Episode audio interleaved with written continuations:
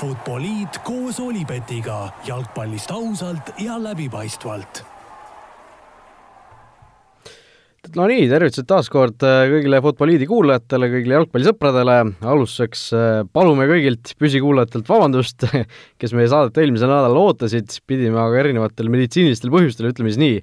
äh, nii neljapäevaks plaanitud salvesse kui ka reedeks plaanitud salvesse edasi lükkama ning nüüd oleme siis lõpuks siin teisipäeval valmis lubatud saate ära tegema. stuudios nagu täna, või nagu täna, stuudios oleme täna nagu ikka kahekesi, minu nimi on Raul Oessar ja üle laua istub Joel Hindermitte, tere Joel! tere, Raul! no teemasid on täna mitmeid, räägime esmalt natukene Eesti jalgpallis kõlapinda leidnud teemadest, mis siin viimastel äh, päevadel, viimaste, viimase paari nädala jooksul võib-olla isegi on, on olnud äh, päris aktuaalsed ja seejärel puudutame ka välismaa jalgpalli, lubasime eelmises saates, mis oli nüüd juba päris tükk aega tagasi, niisugune tunne on, lubasime kiire ülevaate või tagasivaate teha siis sellele jaanuarikuisele üleminekuaknale ja ja noh, eks me natuke seda ka teeme ja võtame siis luubi alla natuke ka selle, mis Premier League'is toimub, praegusel talvepaus on, nii et on paras hetk seal väikseid selliseid eh, noh, korra aeg maha võtta ja vaadata, mis, mis seal toimub, nii et eh, mis seal siis ikka, vaatame, mis, mis saab. Olipetis on parimad suurliigade vastasseisude kohvid. esimese teemana võtame ette ootamatu uudise, mis siin eelmise nädala keskel äh, tuli äh, järsku täiesti, äh, Madis Vihman, Eesti koondises üheksateist mängu mänginud keskkaitsja, otsustas jalgpalluri karjääri lõpetada või jalgpallist, nii-öelda jalgpalli juurest minema astuda, no väga ootamatult see kõik tuli ja noh, on siin palju isegi kriitikat saanud pärast seda, et mitte sellepärast, et ta karjääri lõpetas, noh, see on niikuinii iga inimese enda otsus või iga sportlase enda otsus, millal ta seda teeb. mõni, mõni tahab seda varem teha, mõni hiljem, aga just see, et ta ei kommenteerinud seda absoluutselt mitte kuidagi, või noh, kommenteeriski niimoodi, et ta ei kommenteeri seda, ja, ja noh, ei andnud isegi mingisuguseid vihjeid äh, mitte kellelegi, ma saan aru, isegi, isegi klubis FC Floras rääkides ta ei, ta ei öelnud mitte kellelegi midagi, mis, mis, mis selle taga on ja ja, ja seetõttu on siis öeldud, et noh, mingisugune vastutus võiks, oleks tal võinud ju ikkagi olla oma toetajate, fännide ja sõprade ees, et et öelda, mis, anda kas või mingisugune vihje, et mis, mis seal taga võib olla, no Joel, sina tead Madist väga hästi, tuli see sulle ka ootamatult? no muidugi tuli äh, suure, suure üllatusena ja, ja negatiivse üllatusena, et äh, et Madis äh, noh, Floras sai ta päris, päris heasti, ütleme nagu jalad alla ja, ja sellise hea arengu tegi ja ja igati loogilise sammu välismaale tegi, kus, kus Norras esialgu tundus, et äh, sai mänguaega, kohanes seal liigaga, aga nagu jalgpallis ikka, tulevad uued treenerid, asjad, kukud võib-olla soosingust välja, et äh, pärast seda läks tal Norras natukene elu raskeks ja, ja sealt liikudes siis Šotimaale samamoodi, et äh, alguses mingid minutid sai, vist oli ka just mingi selline nii-öelda positsioon keskkaitse koha peal seal vaba, hiljem tuli mingi mängija tagasi, kui ma õigesti, õigesti mäletan, ja tema mänguaeg äh, äh kuivas, kuivas kokku, et selline üsna, üsna selline üles-alla aasta ja ja kindlasti väga keeruline igale, igale mängijale ja, ja kui sa oled, ütleme, esimesi aastaid noore, noorema mängijana väljas ka, siis, siis sellised asjad võivad sind, sind mõjutada ja, ja võivad erinevate siis otsusteni viia. jah, no ütleme veel, ei tea, mis seal täpselt taga on, võivad seal olla erinevad põhjused, noh, kas tõesti lihtsalt viskas üle jalgpall, ei, ei soovinud selle juures olla, noh, tõesti ei tea lihtsalt ja, ja, ja noh, ei hakka siin rohkem spekuleerima ka, noh, tahaks lihtsalt öelda, et on kindlasti asju, mille puhul võib-olla ta ei taha, ei saa, ei äh, noh, ei olegi võimalik äh, seda ausalt välja rääkida, et et kindlasti muidugi oleks seda saanud kommunikeerida paremini, aga noh, teatud olukorrad on sellised, kus sa, kus sa võib-olla ei saagi seda avalikult lahata, see ei oleks, ei oleks nagu kasulik. et noh, ma saan aru, et ta on ka ise selline pigem, pigem tagasihoidlik ja kinnine inimene, et seal noh, selles suhtes oli see nagu temale mingis mõttes noh, see käitumine oli nagu tema isikule vastav või sobiv? seda küll, et noh, kindlasti oleks saanud seda võib-olla mingit pidi paremini ka delegeerida, aga aga Madis teades, kes tõesti võib-olla ei ole nii selline avatud inimene, kui kui võib-olla Brigitte Susanne Unt siin on, kes siin sotsiaalmeedias lahkab oma, oma suudlusi ja, ja poissmeeste teemasid, et noh, Madis kohe kindlasti selline inimene ei ole ja ja, ja tegi sellise otsuse, et mitte seda nii suure kella külge panna, see on tema otsus ja ma arvan, tuleb seda lihtsalt respekteerida just, et loodame, et kunagi võib-olla saame selle kohta midagi rohkemat teada, aga soovime Madisele igatahes eh, edu, ükskõik mis, eh, mis siis jalgpalli järel teda ees ei oota ja ja loodame, et kõik on hästi. ole tugev, Madis! kas teadsid, et Olipet toetab FCI Levadiat? Teine teema, mis siin Eesti jalgpallis veel rohkem kõlapinda viimasel ajal on leidnud, on äh, siis, puudutab teist mängijat, üks äh, noh, Madis Vihman on siis mängija, kes, kelle koondise karjäär on nüüd eeldatavasti lõppenud, aga teine mängija on selline, kelle koondise karjäär veel ei ole isegi alanud, vähemalt A-koondise rindel mitte, Georgi Dunjov Itaalias Spalli meeskonnas, tema siis noh, mängib, mängib nii palju, et on saanud isegi Serie A-s platsile, ma ei tea, kas me oleme siin saates üldse tema nime varem maininud, võib-olla siis mainisime, kui ta Serie A-s lõpuks peale sai, aga aga igatahes noh, on Serie A-s ühe korra vahetusest peale saanud, on, on ühe karikamängu teinud AC Milani vastu täiesti üheksakümmend minutit ja on pidevalt siis noh, juba harjumuspärane on see, et ta ongi Spalli eest siis Serie A mängudes ka pingi peal olemas. Itaalias see pink on küll noh, üksteist meest või isegi kaksteist meest saad sinna pingi peale nimetada, et et see ei ole nüüd selline eksklusiivne õigus, et, et mõned, kas vahel oli ju kolm vahetust või viis vahetust mingi hetk ja seitse vahetusmeest vist Eestis ka saab seitse vist nimetada, eks ju, et et, et ei ole päris nii väike seltskond, kes sinna pingile istuma saab, aga siiski, kui on kaheksateistaastane Eesti poiss Serie A-s vahepeal isegi mängu saamas ja, ja pingi peal olemas, siis, siis see on suur asi. Aga noh, nõutakse teda nüüd tugevasti Eesti koondisesse, Eesti koondisel nüüd märtsi lõpus siin kaks mängu ees ootavad, kodus Uus-Kaledoonia ja Leeduga sõpruskohtumised, tundub ideaalne koht, kus proovida katsetada noori mängijaid, aga Karel Voolaid, Eesti koondise peatreener, ütles siis äh, ütles siis välja tema arvamuse, et praegu tundub talle pigem, et Dunjovi õige koht oleks U kakskümmend üks koondis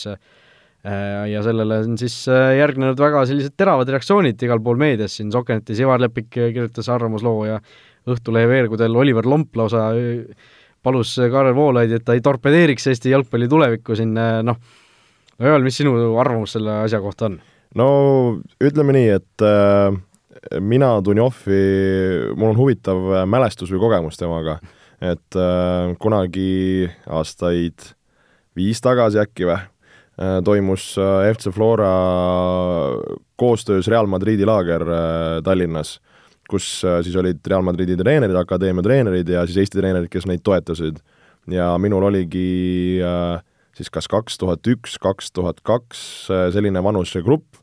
Äh, kellega ma siis selle ühe Real Madridi akadeemia treeneriga koos töötasime ja Dunjov oli ka meie grupis siis äh, nädal aega seal treenis. ja, ja ma mäletan kohe, et see, see nädal aega, mis ta seal treenis, jättis väga-väga huvitava mulje, et äh, äh noh, ma olin tast veidi kursis, kuna kaks tuhat üks vanusega, millega ma töötasin Flora juures, ta oli samas vanuseklassis, et ma nagu teadsin, mis mängijaga ta tegemist on, aga mulle jättis ta seal juba noore mängijana sellise väga huvitava, väga kavala, väga sellise ebastandardse mänge mulje, mida, mida tihti Eestis nagu ei kohta.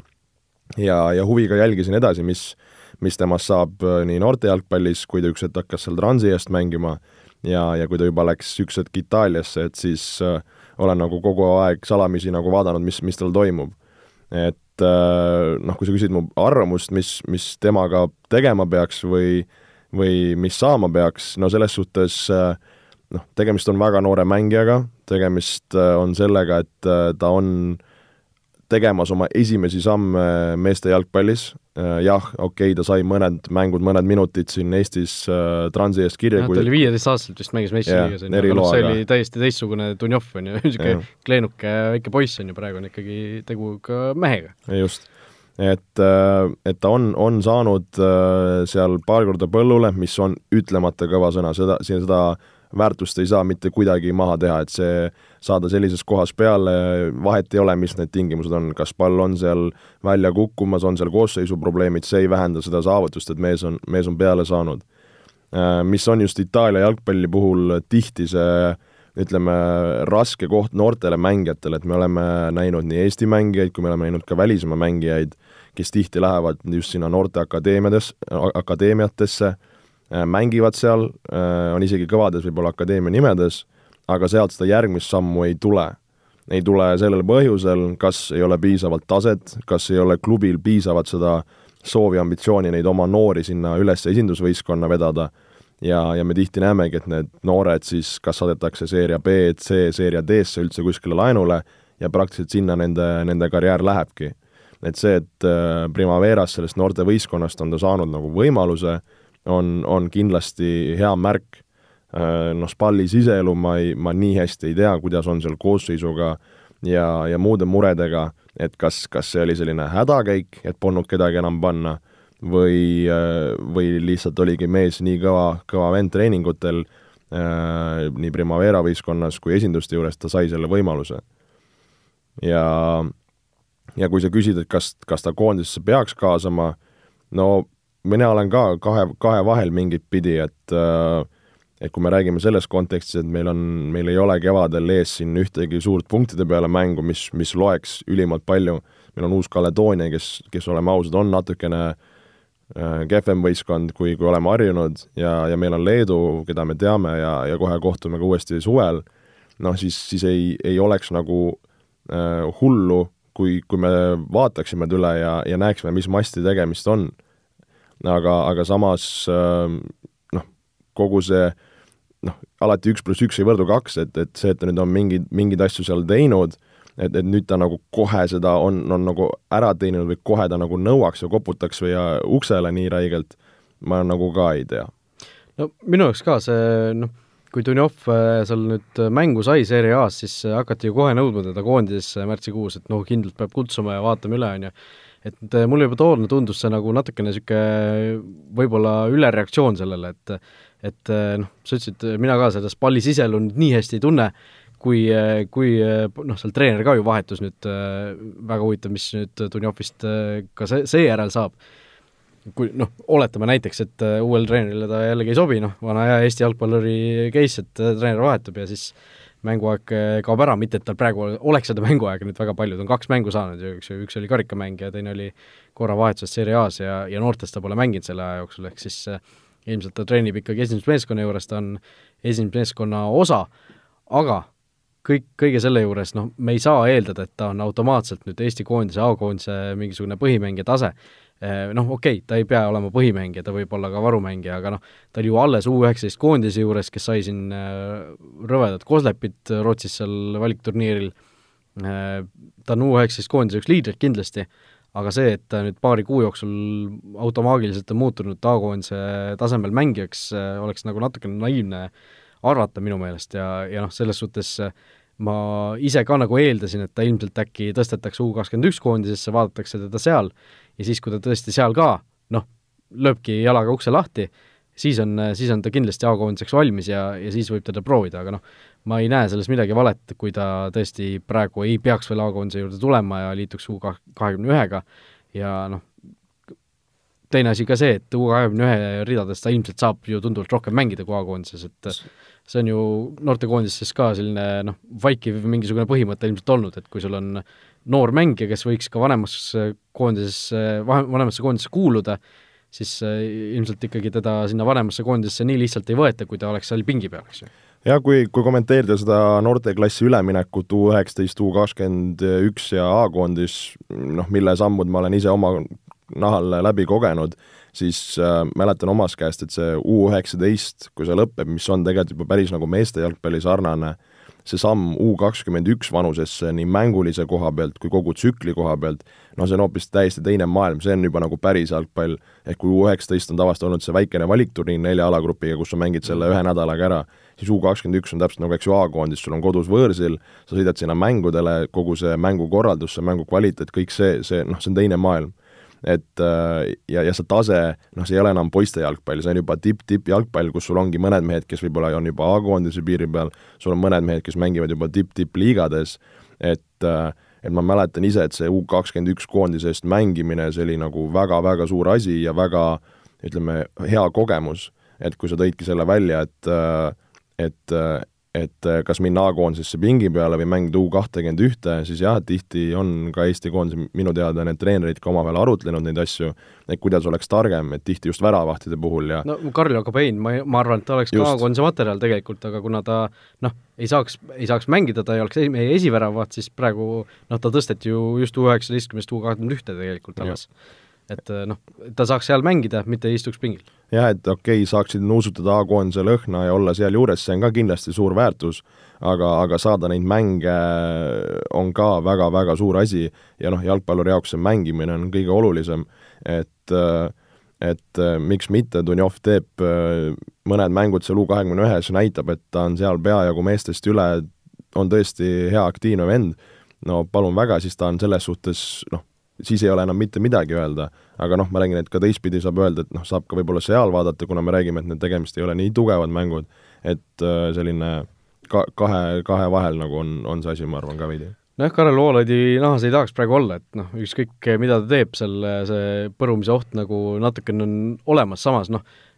seal Sokkerneti podcastis öeldi ka, et tal poleks nagu mitte midagi kaotada, kui ta, kui ta kutsuks ta nüüd koondisesse, noh, see on mingil määral ka tõsi, eks ju, Äh, panekski, ma ei tea, kolmkümmend minutit mängu, ujub või upub, kui ujub, siis on noh, siis on kõik, kõigil muidugi näpud püsti, eks ju.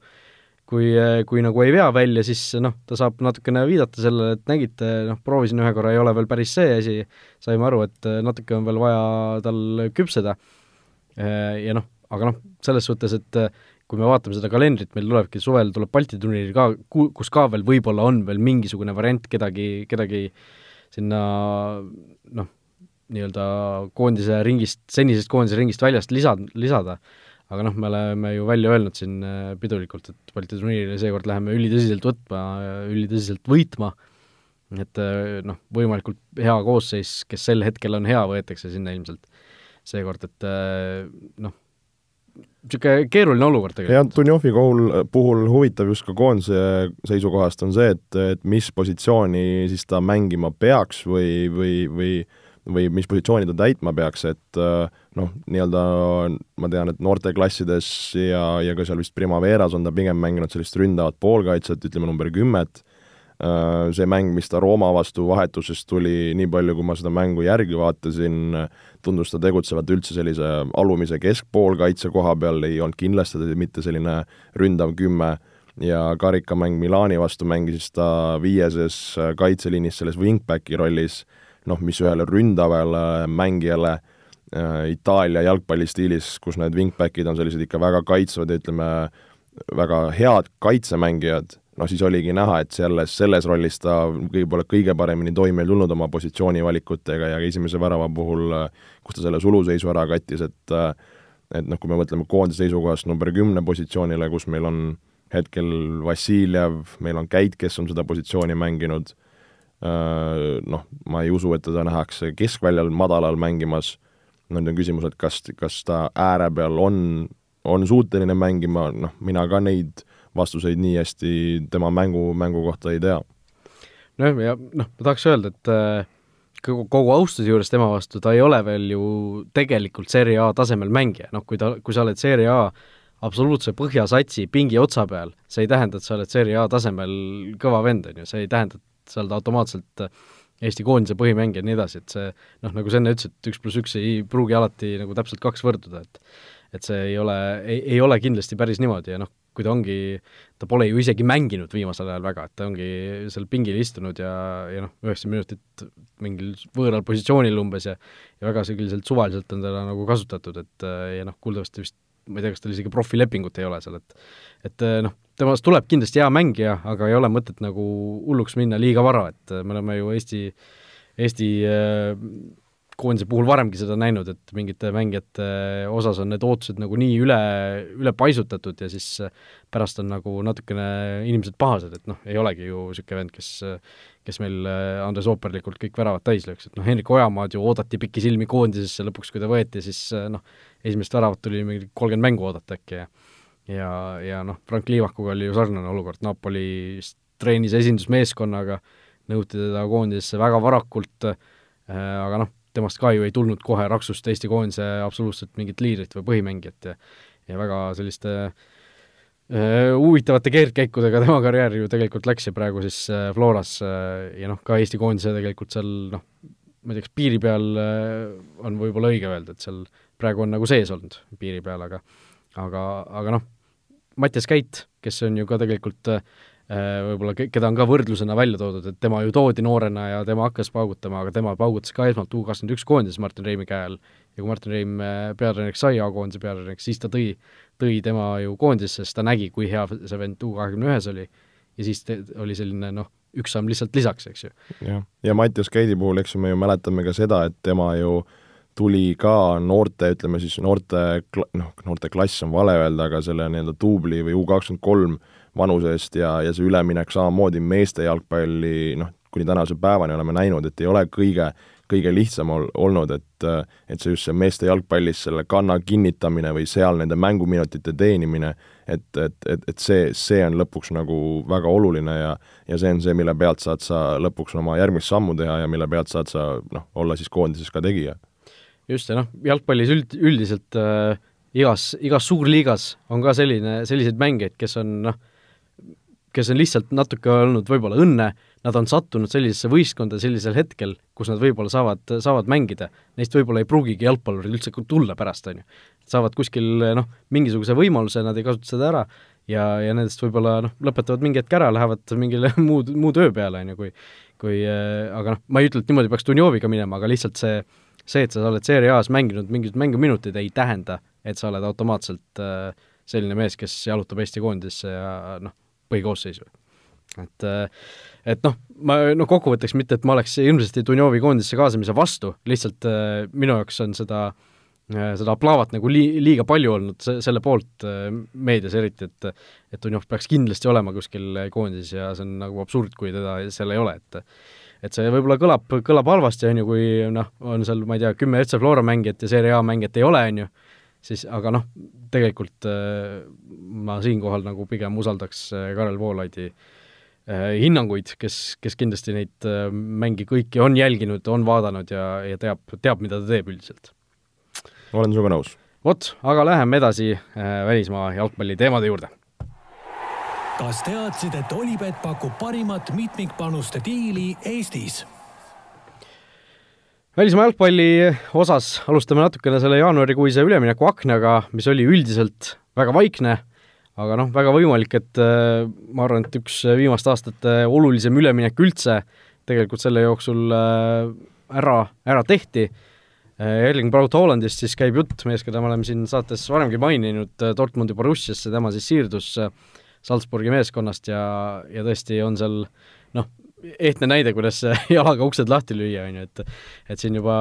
naljatamisi räägitakse, et viimases mängus ta väravat ei löönud, et kas, kas see väravapõud peaks olema nagu murettekitav, et mis ta on nüüd, viie mänguga kaheksa väravat äkki löönud ja ja viimases mängus ta ei löönud väravat jah, seitse, seitse väravat tal juba liigas kirjas on, et see, mis, mis hooga see mees alustas, kuidas ta iga,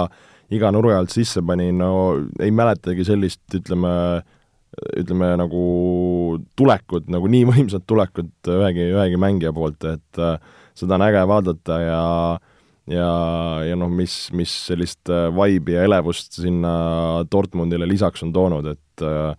no vaatame, kas ta siin äkki saab kakskümmend tükki kirja niimoodi veel hooaja lõpu, lõpuni minnes. nojah, kunagi oli Sander Post vist, kes tuli po-, kas ta tuli vist poole hooaja pealt Eesti liigasse ja siis ja. tuli top-skooreriks, on ju, kaks tuhat kümme või midagi sellist, et et Haalandil noh, ma ei tea e, eesmärk on nagu ees, et võib siin äh, Viljandist küsida nõu, aga, aga tõesti noh, Hollandi puhul ma ajasin enne vist mingit numbrit sassi, ta on Bundesliga-s jah, löönud seitse väravat ja siis karikas ka veel ühe ja siis kokku viie mänguga kaheksa väravat, jah. et noh jabur lihtsalt, on ju. Et noh, kui mõelda, mis nüüd Norra koondisest tulevikus võiks saada, siin Martin Ödegaard on äh, ju äh, noh, uuesti vist õitsele löömas äh, Hispaanias, tema ka väga vana ju tegelikult ei ole, neil on seal noh, Sheffield United ostis suure raha eest Sander Berge keskväljal, Lotus Thunder, niisugune pikk, pikk ja tugev mängija, Türgi liiga top-skoorer Aleksander Sörlot on norralane, et seal noh, Norra jalgpallis tõuseb ikka päris, päris huvitav põlvkond. Jaa, tõesti väga, väga huvitav, just sellised äh, ka ebastandardsed mängijad, kui me mõtleme Norra, Norra puhul, okei okay,, Haaland suur koll, aga see ka, kui, kui liikuv ta on, kuidas ta suudab neid olukordi lahendada, noh rääkimata Ödegardist, kes on selle ikka väga-väga pehme ja sellise tehnilise jalaga jah, no Hollandi puhul on räägitud ka ju palju, et äh, tal see kasvuspurt tuli suhteliselt hilja, et ta tegelikult õppis mängima sellise lühema aja mängijana, noh, kes pidigi õigel ajal liikuma ja ja selliseid sööste tegema, aga nüüd ta on nagu, see kasv on ka veel juurde tulnud, nii et ta on lihtsalt selline suur vend, kes nagu või, võib sind ka ära lükata või üle hüpata, on ju, et et tõesti noh, väga äge on vaadata, mis temast saab, kõik noh, kõik on tema poolt ilmselt praegu, ta on niisugune sümpaatsete sõnavõttudega silma paistnud ja ja ilmselt üks äh, üks kõige suurema sellise approval reitinguga mängija maailma jalgpallis ilmselt praegu. aga noh, mis veel tegelikult äh, huvitavatest üleminekutest äh, võib välja tuua, Inglismaa juurde tuleme veel äh, pikemalt äh, tagasi, aga noh, Milano Inter kogub Premier League'i vanureid äh,, ilmselt äh, selline eesmärk Antonio Contel on, noh, Victor Moses, Ashley Young, noh, Kristjan Erikson võib-olla vanuriks on natuke palju nimetada ja Romelu Lukakut ka, aga selline Premier League'i paari aasta tagune allstar tiim on seal kokku pandud. No jaa, et äh, Conte käekäik on näha, et läheb nende mm, ustavate ratsude juurde tagasi, kes, kes teda tassinud on, et äh, no Victor Mosese üleminek oli võib-olla veidikene kõige, kõige üllatavam, äh, noh Ashley Youngist oli juttu, et siin temast tahetakse lahti saada, see, et ta Interisse lõpuks veeti, oli, oli veidikene üllatus, kohe avamängus ka päris hea tsenderdus väravasöödu näol, et noh, kuna Conte samamoodi seal mängimas oma, oma sellist viiest äh, kaitseliini, kus need wingbackid on, on väga tähtsa rolliga, noh, Moses teab seda väga hästi tema käe alt Chelsea's, noh, Young on ka seda mänginud, et noh, mingit pidi loogilised käigud, äh, kas nad suudavad oma, oma parimat kvaliteeti ja, ja sellist äh, klassi näidata, eks seda näitab, aga noh, kindlasti on need tugevdavad täiendused ja noh, vaadates praegu seeria tabelisse, kus, kus Inter seal Juventusega tipus madistamas on, siis äh, ma arvan, väga-väga väärt äh, koht, kus, kust juurde panna ja, ja miks mitte Juventus seal lõpuks hammustada. jah, ja noh, üks märgiline üleminek, mis veel selline Euroopa jalgpallist äh, ära tuleb mainida, Futboliidi ametlik lemmikmängija või noh, vähemalt minu mees, keda mina, kelle trummi mina olen väga palju tagunud, Tani Olmo, läks siis äh, Zagrebi Dinamost eh, Rasenballsport Leipzigi ridadesse. ehk siis eh, võitleb Saksamaa meistritiitli nimel ja jätkab ka teekonda meistrite liigas, eks ju jah eh, Vot, aga läheme siit edasi sujuvalt Inglismaa jalgpalli juurde ja ja no kuna siin Inglismaal, nagu saate alguses mainitud, niisugune väike talvepausi moodi asi on, siis on mõnus hetk natukene sinna tabelisse vaadata, rääkida meeskondadest, mis siin, mis siin juhtunud on ja natuke ka siis selle äh, üleminekuakna valguses, no Liverpool, noh, neist pole vist mõtet jällegi väga pikalt enam rääkida, see on, kõik on juba selle, selle hooaja jooksul siin saates ka ära öeldud, endiselt jätkavad sellel võidulainel kakskümmend kaks punkti, edu Manchester City eest, täiesti jaburad numbrid. Ja noh, üleminekuaknas tõid endale Minamino, kes noh, vaikselt elab sisse ilmselt, võib-olla järgmine hooaeg on juba niisugune põhirotatsiooni vend, va-, vahepeal on siin vahetusest peale saanud, aga noh, täiesti Liverpooli elu täielik lill. no väga, väga hea lill, et äh, käidi siin äh, Dubais ja, ja kas oli ka Marbellas seal puhkamas ja, ja treening, treening, trenni tegemas, aga, aga no neil paistab kõik ikka väga-väga paigas ja ja see, et äh, nad suudavad seda gaasi ikka veel põhjas hoida, nii et punkte kuskile ei kao, no noh, tõesti täiesti fenomenaalne. et ma arvan, et äh, noh, siin, kui neil on natuke nüüd on minna kolmteist mängu, kui ma ei eksi, siis äh, noh, ma arvan, et neil juba hetkel see motivatsioon on nii kõrge, et seda kaotuse tabelisse nad ei taha mitte ühtegi numbrit saada, et äh, ma arvan, pingutavad seal selles suhtes ära nii kõvasti kui võimalik, et saada sealt need maksimumpunktid kätte ja ja teha jällegi selle koha pealt ajalugu, et äh, no tõesti, täiesti, noh, me oleme siin nii palju nendest rääkinud, et siin ei olegi tõesti midagi rohkem öelda. Nojah, et isegi kui nende see U kakskümmend kolm või noh, mis tegelikult oli vist U kakskümmend sisuliselt see tiim ka karikas edasi saab, siis noh, seal tõesti äh, ilmselt äh, Liverpooli fännidele selle kolmkümmend aastat kannatust tasutakse selle ühe hooaega ära, et äh, et mine tea, võib-olla võidetakse tõesti kõik tiitlid, et neil on ju sellest aastast tegelikult juba käes nii see Community Shield kui siis klubide mm, et noh, siin on võimalik veel ikkagi noh, liigakarikas vist või? või liigakarikast nad langesid välja, oota, ma pean nüüd jo-, jooksis korra mõte kokku, liigakarikas jah, liigakarikas nad langesid välja, liigakarikas jääb välja, aga noh, FA karikas, meistrite liiga, Premier League, kõik on veel noh, täiesti võidetavad nende jaoks, et et noh, viie tiitliga hooaeg ei oleks nagu paha asi. ei oleks üldse paha Äh, oota, aga Liverpoolist äh, läheme edasi Manchester City juurde, kes endiselt hoiab teist kohta, viimase mängu nad küll kaotasid Tottenhamile, äh, sest eelmise nädalavahetuse kohtumine lükati neile edasi selle tormi tõttu. aga noh, City olukord on ka noh, selline natukene ütleme kahtlane, et siin on selle hooaja jooksul on räägitud palju, mis Guardiola võiks tulevikus teha, mis äh, mis seisud äh, üldse City, City's on, kas ta tõesti on nagu meeskonna ära väsitanud? Ja noh, see kaks-null kaotus äh, Tottenhamile võõrsil äh, noh, mõnes mõttes oli nagu selline juhuslik selles suhtes, et kui sa vaatad, City ikkagi ülipalju ründas, ülipalju üritas, ülipalju tegi peallööke, aga pärast ikkagi kaotust kuuldavasti nelikümmend viis minutit oli mehi riietusruumis kinni hoidnud ja seal korralikud ütleme, sellised keskustelud olid, olid seal mängijate ja treenerite vahel olnud no City puhul me oleme rääkinud, et seda üles-alla Ameerika mäge, mägesi sellel aastal on olnud ikka väga, väga palju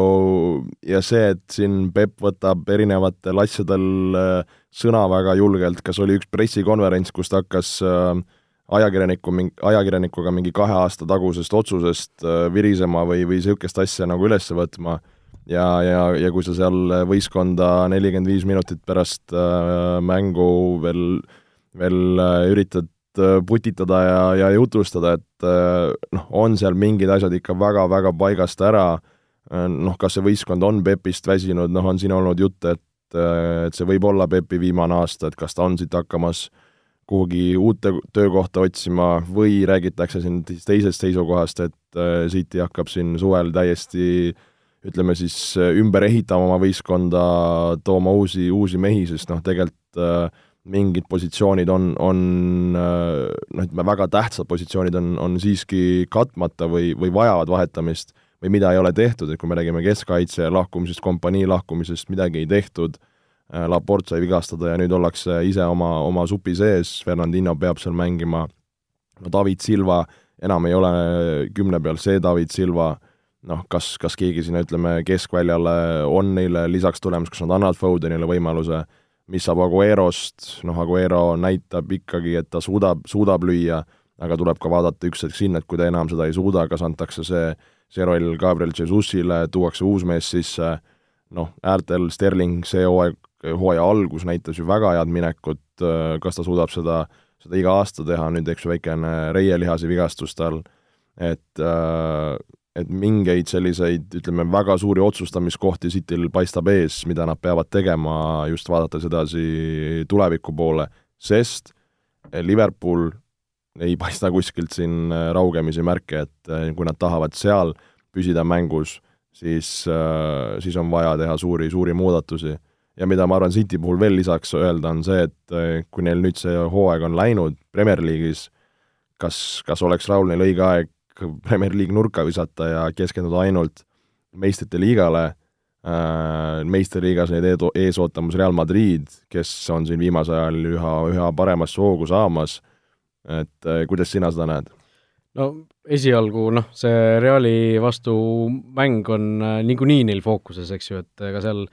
mingisugust tagasihoidmist nii või naa olla ei saa, aga noh, Premier League'is see tabeliseis iseenesest lubab neil suhteliselt lõdvalt võtta, noh, kui eeldada, et ikkagi esineliku kohta siin äh, taetakse, Sheffield viiendal kohal praegu kaksteist punkti neist tagapool, üks mäng rohkem peetud, äh, noh, seal, seal on seda eksimisruumi praegu ja, ja ütleme, sellist puhvrit, mille pealt äh, noh, siin on tegelikult ju neil väga-väga tihe graafik ees ootamas, kuna see West Hami mäng eelmisel nädalavahetusel ka lükati edasi,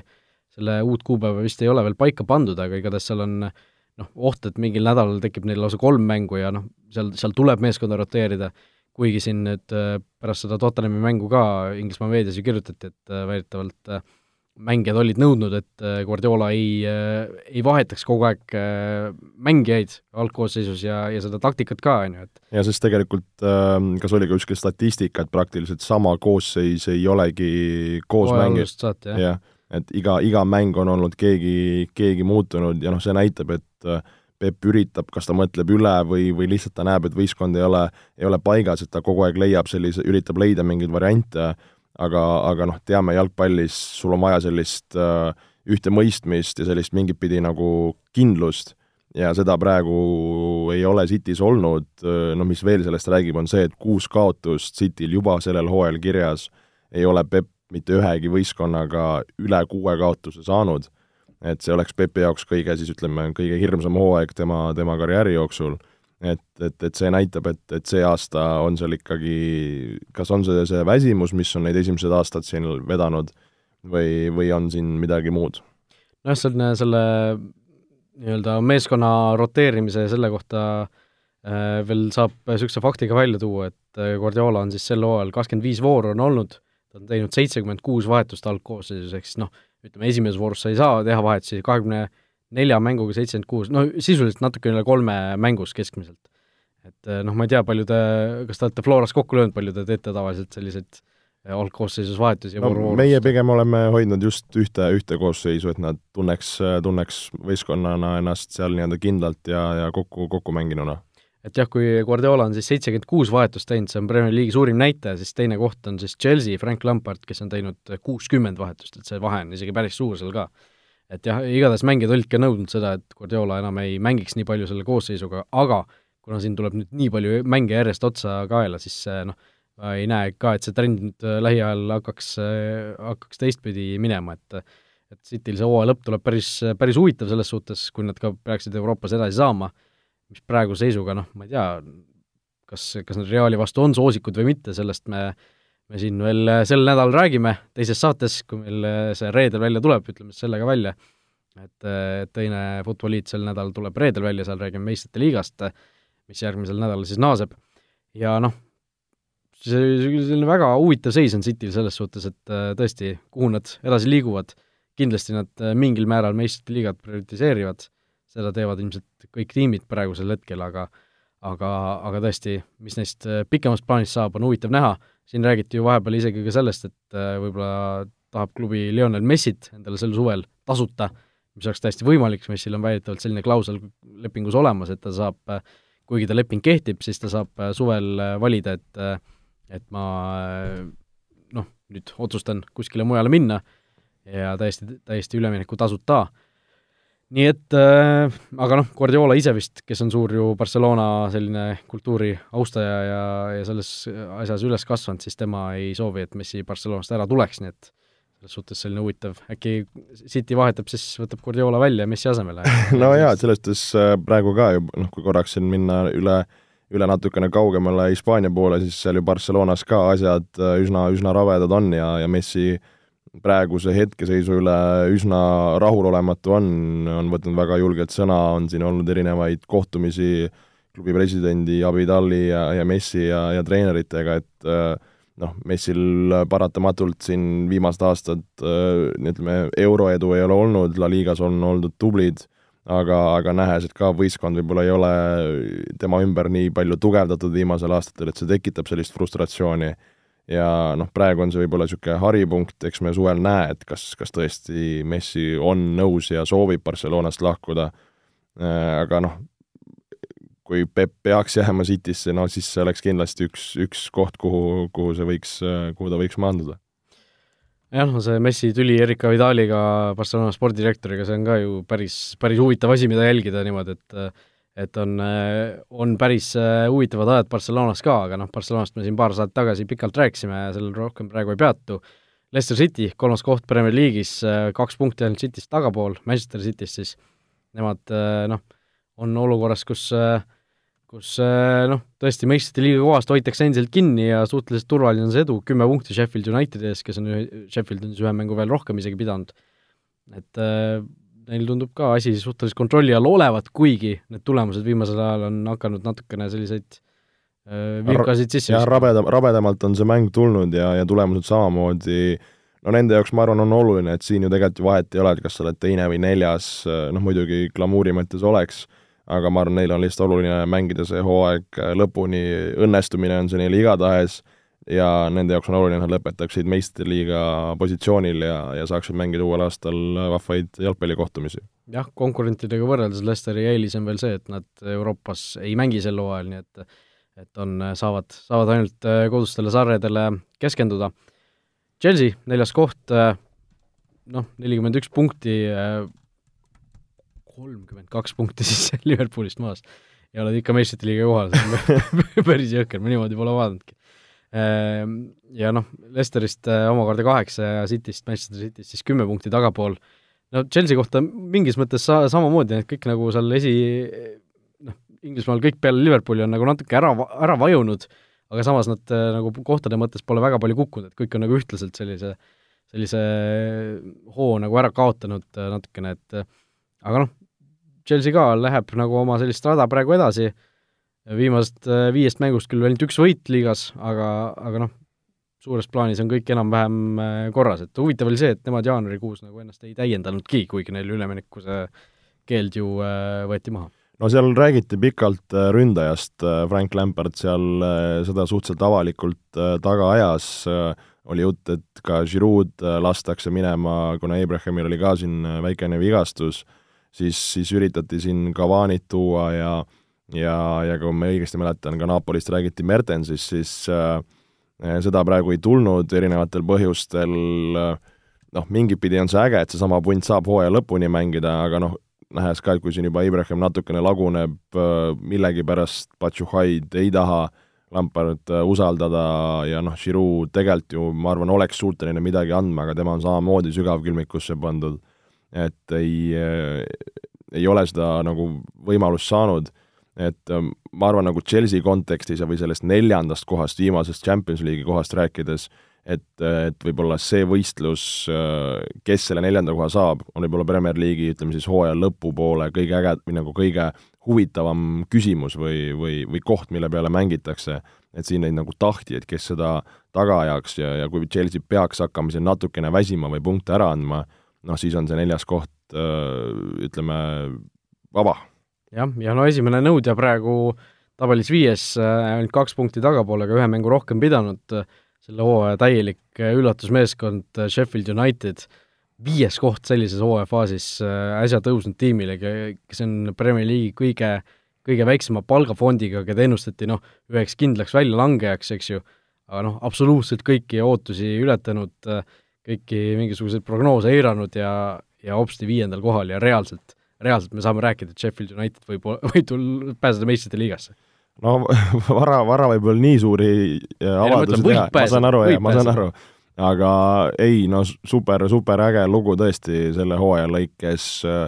noh, kogu aeg me oleme siin arutanud, no kas nad suudavad seda stabiilsust näidata, aga no ikka veel on, ikka veel on, et äh, jube vahva oleks, kui nad selle äh, hooaja lõpuni püsivad, noh hetkel seal Euroopa liiga koha peal, no ma räägin, et siin kui me natuke hiljem räägime ka sellest, kes neid edasi tuleb, siis ütleme, see kohad äh, neli kuni, kuni üheksa, ma arvan, seal võib risti-rästi pidi seal need positsioonid muutuda ja igaüks võib seal tulla nii neljandaks kui, kui jääda üheksandaks. aga jah, Sheffieldil edu, need selliseid lugusid on alati tore jälgida ja ja loodame, et äh, seal mingisugust suurt äravajumist ei tule, suudavad nad äh, hooaja lõpuni vastu pidada ja noh, meistrite liigas oleks lihtsalt pull näha niisugust klubi vahelduseks. Aga nende taga on kohe eh, kaks punkti tagapool ja üks mäng vähem peetud, Tottenham Hotspur, Jose Murillo käe all, eh, noh, natuke rääkisime, mainisime siin Manchester Cityt äsja võitsid, Steven Bergvin, nende uus täiendus, jaanuarikuine mees, lõi seal värava selles mängus, aga noh, kuidagi Tottenhami puhul ei ole ka sellist äh, õiget nagu äh, stabiilset minekut leitud veel isegi Murillo käe all, et noh, vahepeal ikka tulevad mingisugused kaotused sisse ja selline noh, ebastabiilne, nagu, nagu kogu see ülejäänud seltskond nende ümber tegelikult. jah, et see ebastabiilsus on võib-olla hea sõna kõikide nende võistkondade puhul, no mis seda äh, City Tottenhami mängu ägedalt äh, illustreerib, on see, et seal kas oli Bergvini ka esimene löök raamidesse äh, võistkonna jaoks ja, ja kohe värav, et nende kahe mängu peale kokku, mis äh, City on mänginud Tottenhamiga äh, on siis äh, Tottenham kuuest löögist äh, saanud väravasse neli, neli palli ja, ja City siis neljakümne kaheksast löögist, mis nad sooritanud on Tottenhami vastu, on saanud väravasse kaks palli. et, äh, et selles suhtes väga, väga kliiniline ja lihtne, lihtne töö ja tegelikult no Murillo ju selles on olnud alati tugev, et taga korras ja ise oma võimalused ära lüüa ja noh, see muie, mis seal Mourinhol äh, lõpusekunditel pingi peal istudes, see, see ütles kõik ka, et no Peep Guardiolale koti pähe tõmbamine tema jaoks ilmselt ei ei, ei ole nagu ühelgi korral selline asi, mis on lihtsalt okei okay,, et tavaline mäng oli, et see ikka on auasi ja ja kui sellisest lahingust võitjana välja tuled, siis äh, miks mitte ja noh, Tottenham, kes ka vahepeal oli ju siin päris äh, vaat teise kümne langemise ohus, siis äh, praegu on tagasi noh, saab öelda rahulikult, et esineliku heitluses ja ja aga noh, kas neid, kas nad just nüüd äh, sinna lõpuks pääsevad, on teine asi. ilma rindajata, ilma Harry Kane'ita, kes, kes on pikaks ajaks väljas, ma arvan, et nad ei pääse. vot, äh, Everton, seitsmes koht, Evertoni selline traditsiooniline koht, äh, selle esikuuiku järel on olnud, hooaja algus oli neil ju täielik katastroof, aga nüüd on ülla-ülla, Carlo Ancelotti käe all on väga hästi mängima hakatud. Selline natukene retro võib-olla neli-neli-kaks formatsioon, aga, aga asi töötab. Ja ongi noh, tõustakse praegu sellise hooga, et äh, kas äh, selles vormitabelis ollakse vist Liverpooli järel lausa teisel kohal. nii et äh, seal noh, kõik on, kõik on võimalik endiselt ja mine tea, äkki kui Ancelotti suudab seda hoogu jätkata, siis hoopis Everton tõuseb sinna esineliku juurde. oleks sellise hooaja alguse järel muidugi täiesti noh, uskumatu hooaeg selles suhtes no selles suhtes see Ancelotti kavalus ja Ancelotti klassi teame me kõik, äh,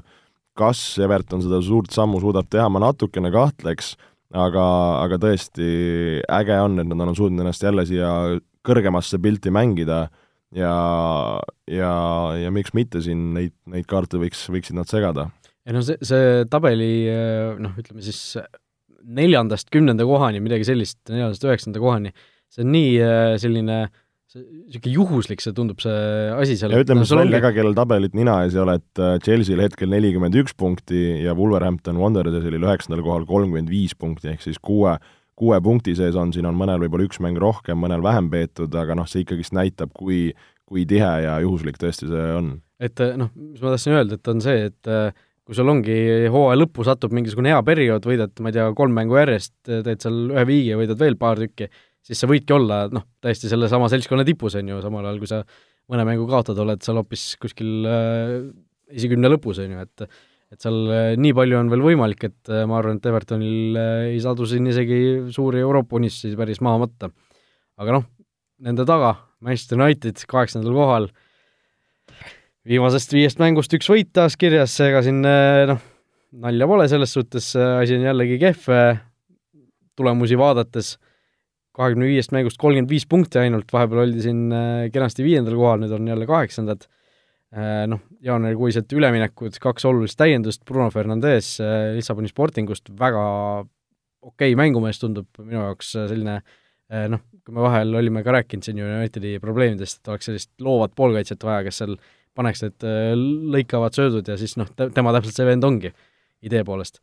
ja noh, ta lööb ka väravaid palju, kas ta lõi siin hooaeg paar tagasi, lõi Sportingu eest kõigi sarjade peale kokku ühe hooaega kolmkümmend kaks väravat poolkaitsjana. et noh, see on äh, ja noh, esimeses mängus ka juba Wulsi vastu mäng jäi küll null-null, aga seal ta ka näitas, et et tal seda löögijalga ja niisugust äh, mentaliteeti on, et kui tal koht on, siis ta vajutab.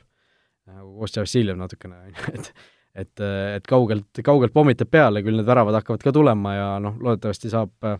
saab ennast kiirelt käima, Murillo ta kohe algkoosseisu usaldas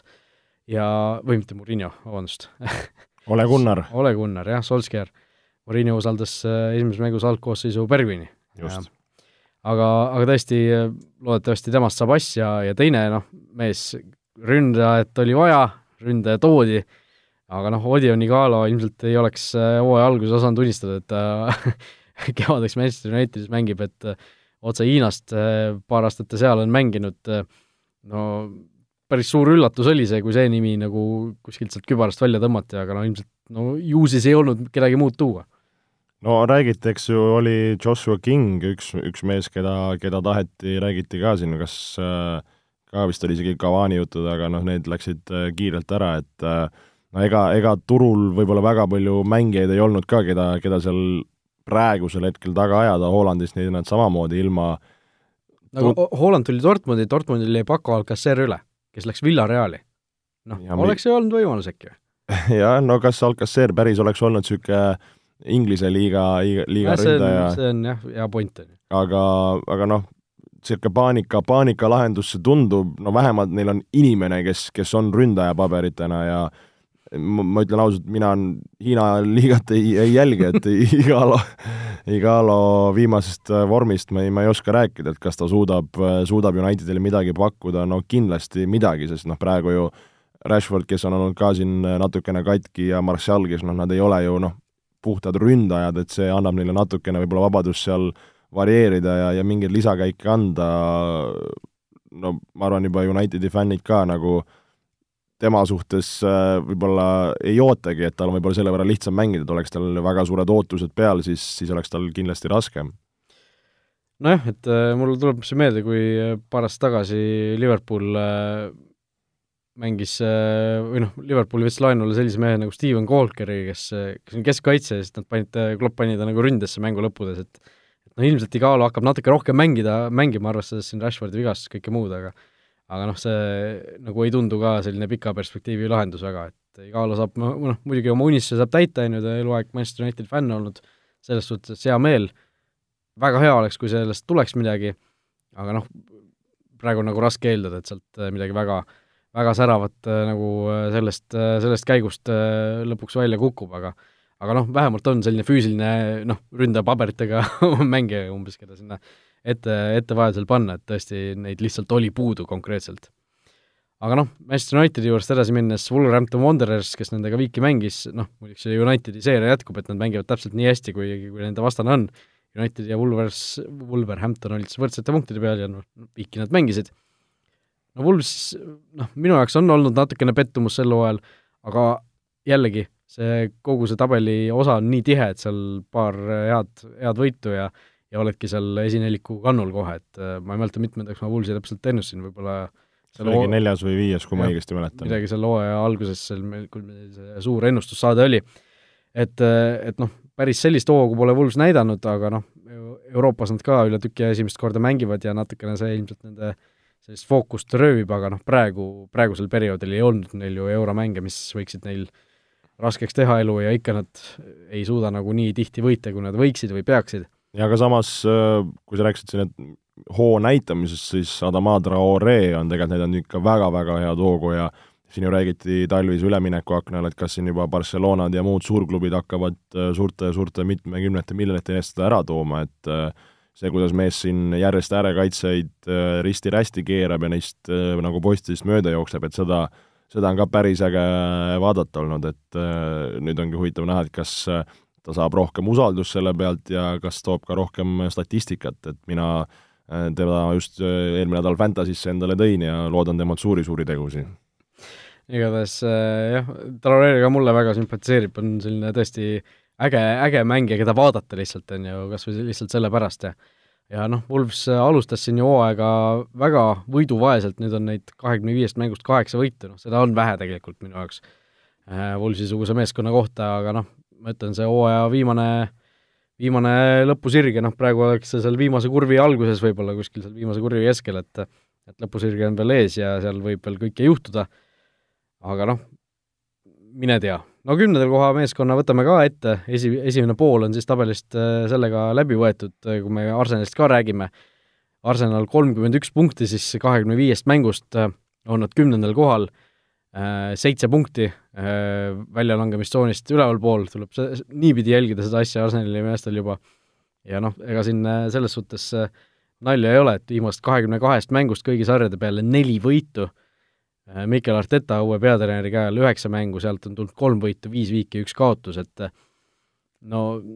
Emeriga võrreldes asi on natukene paremaks läinud, aga neid võite ka nagu ei tule, kus neid suuri punkte saaks. no Arteta puhul ma arvan, siin tuleb natukene asja võtta rahulikumalt, võtta käik välja ja vaadata, mis, mis, mis saama hakkab, et äh, loota, et ta tuleb äh, ja kohe nipsust siin võistkonna paneb mängima noh, selline võistkond, kes tal ka praegu käes on, noh, see ei ole ju kõige, kõige parem, ütleme, kaardipakk, mis talle jagatud on. et äh, ma arvan, tema puhul tuleks ära vaadata see,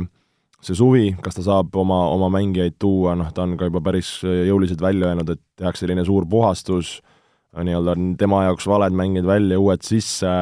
noh, kas Arsenal on valmis ka raha kulutama selle peale, eks me oleme, eks me näe seda, aga, aga nagu see, ütleme, see toon, mis Arsenali ümber praegu on, ütleme, võistkonna sees või mis sealt välja kuvab, tundub pigem positiivne, et mängijatele Arteta paistab meeldivat. Äh,, Arteta ise ka väga, ütleme, entusiastlikult asjadest seal nagu räägib ja ja, ja tundub, et nagu selline võistkonna keemia või võistkonna töötahe on, on kindlasti kordades parem, kui, kui oli seda Emeri käe all. Jah, no see stardipositsioon äh, Artetal oli ka selline, mis võttis nagu natuke ilmselt pingeid maha, et sul ei ole enam hirmsasti iga hinna eest vaja sinna kuskile esinelikusse punnitada, et äh, noh, keegi ei oota, et Arsenal enam nii kõrgele tõuseks sel hooajal ja saabki rahulikult niisuguse väikse reset'i teha, noh, tuletan lihtsalt meelde, et kui kahe tuhande kuueteistkümnendal aastal tuli äh, Leicester Inglismaa meistriks, lõpetas Chelsea kümnendal kohal hooaja, täpselt nii, nagu Arsenal praegu on, järgmisel aastal tuli ise Inglismaa meistriks, et et seal noh, selliseid asju on varemgi juhtunud, et äh, sa võtad, võtad selle ühe hooaja nii-öelda noh, teedki, alustad kuskilt nullist ja siis teed järgmisel hooajal väga kõva tulemuse, et mitte, et Arsenal nüüd kindlasti järgmisel hooajal meistriks hakkaks tulema, aga aga noh, see ei, praeguse, selle hooaja nii-öelda madalseis ei välista seda, et sealt võib midagi väga ilusat järgmisel hooajal tulla. Aga Arsenali kohta on meil ka selle nädala Olibeti kuulaja küsimus ja küsimus on siis selline, et mitu väravat lüüakse Arsenali mängus Newcastli vastu pühapäeval, see kell kaheksateist kolmkümmend. Äh, see mäng toimub Eesti aja järgi, nii et äh, pakkuge, mitu väravat Arsenal ja Newcastle kahe peale kokku lüüa, lüüavad löövad ja, ja postitage siis vastus Olipet Eesti Facebooki lehel, äh, minge otsige sealt üles Futboliidi viimase saate postitus ja sinna ka alla kommentaaridesse kirjutage enda pakkumine ja kõigile õigesti vastajatele Olipet annab omalt poolt kümme eurot äh, tasuta panustamisraha. sinu ennustus, Arsenal Newcastle? minu pakkumine on kolm väravat. kolm väravat, ehk siis kes lööb kaks, kes lööb üks, kes lööb kolm? pigem Arsenali näen rohkem skoorimas, aga ei välista ka vastupidist no Newcastle on ka niisugune huvitav võistkond on tegelikult, et nagu fännid ei ole üldse rahul sellega, mis seal toimub, aga tegelikult Steve Bruce on ju väga okeid tööd teinud, arvestades seda, et mõned pakkusid neid, kaasa arvatud vist äkki isegi mina, hooaja alguses väljalangejaks, et noh, on seal täpselt Arsenaliga võrdsete punktide peal, kolmekümne ühe peal, seal on nel-, neli võistkonda koguni kolmekümne ühe punkti peal, Arsenal, Burnley, Newcastle ja Southampton. et noh, ma, see kolm väravat tundub nagu niisugune enam-vähem asjalik pakkumine, et et midagi sai jalgpallist vist teada, aga noh, ma ütlen siis kaks, et natuke vähem oleks, et äh, ütleme üks-üks siis, selline, et Arteta viigiseeria jätkub. aga Olipetis äh, tasub veel äh, Olipeti lehte külastada, sellepärast et Olipet on saanud nüüd kümneaastaseks ja sel puhul on neil mitmeid väga häid pakkumisi,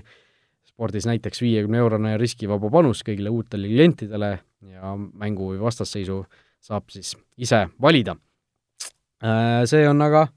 meie poolt tänaseks vist kõik. jah, kohtume juba, juba reedel, kui võtame läbi väga-väga põhjalikult äh, juba algava meistrite liiga, mis, mis alati on pakkunud kõvasti-kõvasti intriigi ja põnevust. just, kuusteist tiimi seal siis äh, elus veel on, nii et järgmine nädal mängud hakkavad, aga tõesti, selle nädala teine Futboliit äh, reedel kõigi eelduste kohaselt peaks ilmuma, nii et kuulmiseni! olge mõnusad! vutiviikendi parimad kohvid leiad Olipetist